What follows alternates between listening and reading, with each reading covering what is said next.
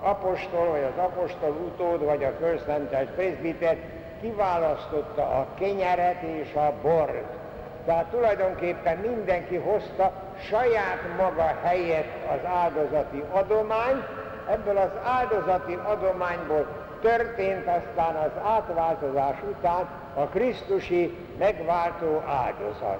Úgyhogy így kapcsolódik össze, és ezért én szoktam mondani, hogy az, amikor a mi időnkben most már nem lehet az, hogy nem tudom én 600-800 vagy 1000 ember hozzon valami kis apróságot az oltárra, és akkor abból kiválogatja a papbácsi a, a kenyeret meg a bort, ezt nem lehet megvalósítani technikailag problémás, hát ezért jött be a középkornak a vége felé a persejezés.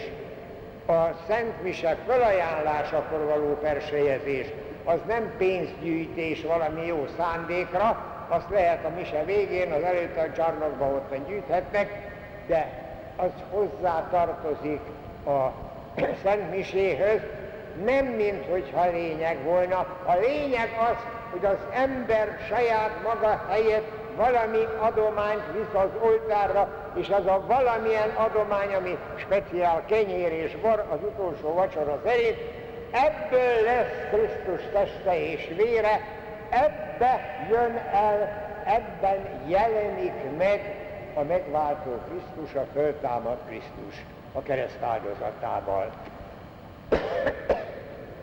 Úgyhogy itt tulajdonképpen roppant nagy összefüggések vannak, és nagyon világos, hogy ez az első időktől kezdve tudott volt, én csak most nem akarom ismételni, ha emlékeznek rá, az első század utolsó napjaiban keletkezett Didahéban szerepelt már úgy, hogy áldozatot mutatnak be, aztán római Szent Kelemen, Szent Ignác, Tertullianus, Szent Irén is sokszor mond az, hogy a mindennapos életünk ajándékából az Isten áldozatként fogadja el a mi ünneplésünket. Ez benne volt az akkori időkben, a legelső időktől kezdve, végig egészen a hituítás koráig említettem, hogy a, hiszek, a hiszek egyekbe azért nem került bele az Eucharisztia, mert az annyira világos volt, annyira tévtanítás nélkül hitték az évszázadok, majdnem másfél évezred. A hituítás korában nagyon érdekes volt, nem szabad egyszerűen elítélni azokat, akik ezt a Szent Mise áldozati jellegét mindenképpen tagadni próbálták. Bennük az volt a gondolat, hogy az Úristen, az Úr Jézusnak a kereszt áldozata, az egy olyan abszolút áldozat, hogy ahhoz nem nyúlhatunk hozzá, mert akkor elhomályosítjuk a megváltó Jézusnak az abszolút áldozatát.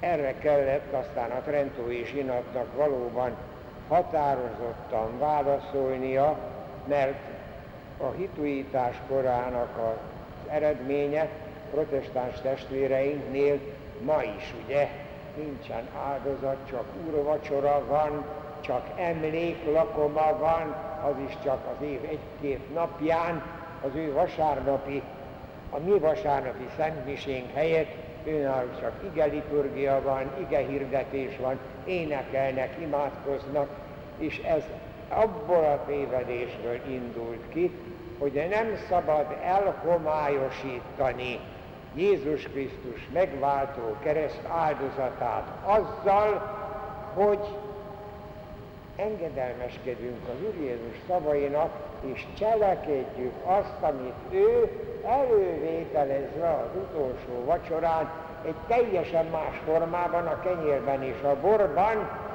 parancsolt az apostolainak. Úgyhogy a Trentói zsinat kétségtelen, hogy világosan megszövegezte, hogy igenis szakrifícium, áldozat, a Szent Mise, az Eucharisztia, mégpedig őt valódi szentségi formában mostá lesz jelen valóvá lesz a Krisztusi megváltás, nem véres kereszthalál formájában, mert már a föltámadás után vagyunk, tehát a föltámadott élet áldozata válik jelen valóvá, válik mostá minden egyes szentmisében. Nagyon érdekes, és itt vigyázni kell, megint ugye többször említettem, a szavaknak az értelme az olyan könnyen változik, itt is a Trentói zsinat ezt a szót használja, hogy reprezentál. De ne értsük ezt félre, ma a reprezentáció az egészen más. Reprezentációs cigaretta, reprezentációs fekete kávé, szóval ez teljesen más. Itt a szó re az újra, prezentálja a prézenssel, a jelenlé van. Tehát újra jelenné tévén, téve. Tehát az oltáron jelen valóvá válik a Krisztusi megváltás, különbség van, kétségtelen, a kereszthalál véres volt, az oltáron vértelenül volt, az utolsó vacsorán is vértelenül volt. Akkor a másik egész különlegesség, hogy a, úr, a Golgotán az Úr Jézus saját magát áldozta fel. A Szentmisében az apostoloknak kell saját maguknak vinni az áldozati adományt, ami Krisztus testévé és vérévé változik, hogy a megváltó áldozat jelen valóvá legyen a Szentmisében. Ezek nagyon-nagyon fontos mozzanatok, maga Krisztus az áldozat, maga Krisztus az áldozatot bemutató, ahogyan a Kálvárián volt, ugyanígy van a Szentmisében is, a fölszentelt papnak a segítségével történik, de maga Jézus Krisztus mutatja be a Szent Misét, maga Jézus Krisztus áldozza fel önmagát, de most már nem csak önmagában, hanem a hívek közösségének az áldozatával egyesülve. Nagyon fontos, még egyet hadd szabadjon megemlíteni, még a cél is más. A Kálvárián az Úr Jézus kereszthalál, véres kereszthalálának a célja volt az emberiség megváltása. A Szent Misének a célja tulajdonképpen, hogy eláraszta kegyelmeivel a jelenlevőket. És éppen ebbe ezzel magyarázzák most is azt, hogy a televízión vagy a rádión nem lehet ünnepelni a Szent Misét, mert ahhoz a jelenlét szükséges, mert a Krisztusi áldozat, a mi áldozatunk lesz a jelenlévő közösségnek az áldozata. Ezt világosan megszövegezte a Trentói zsinat, és ez a mi számunkra is nagyon fontos, ezért mondhatjuk mi azt, hogy a Szent Mise áldozat. Protestáns testvéreink sajnos megmaradtak abban, hogy ők ezt a relatív, tehát az egyház közösségével egyesült Krisztusi áldozatot, ezt ők az ő abszolút áldozat, keresztáldozatának, az elhomályosításának tartják, mi ezt nem tartjuk, és nem volt erre még csak egy mozzanat sem az utolsó vacsorán, amikor az Úr Jézus azt mondta, hogy cselekedjétek ezt, amit én most cselekedtem, és amit én most mondtam, hogy ez az én testem, ez az én vérem, egyétek és igyátok, ez annyira világos volt, és ezt cselekedjétek ti is, ezért kell nekünk egészen világosan látnunk, és ez volt a mai témánk, hogy a Szent Mise, az Eucharisztia valóságos Krisztusi megváltó áldozat,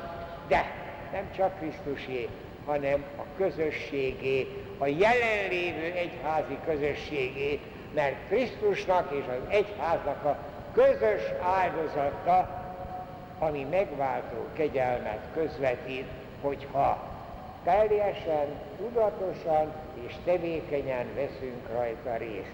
Ez azért a második vatikáni zsinat erősen hangoztatja, hangsúlyozza, és ezt mondjuk a latin szentmisénél nem volt olyan egyszerű. A magyar szentmisénél egyszerűbb, de köz azért fontos az, hogy ezeket a tényleges titkokat, ezeket világosan lássuk. Tehát még egyszer, a mai téma az volt, hogy a mi szentmisénk reprezentálja, jelenné teszi, mostá teszi a föltámadásba csúcsosodó isteni megváltó áldozatot úgy, hogy az a hívek közösségének is az áldozat bemutatása.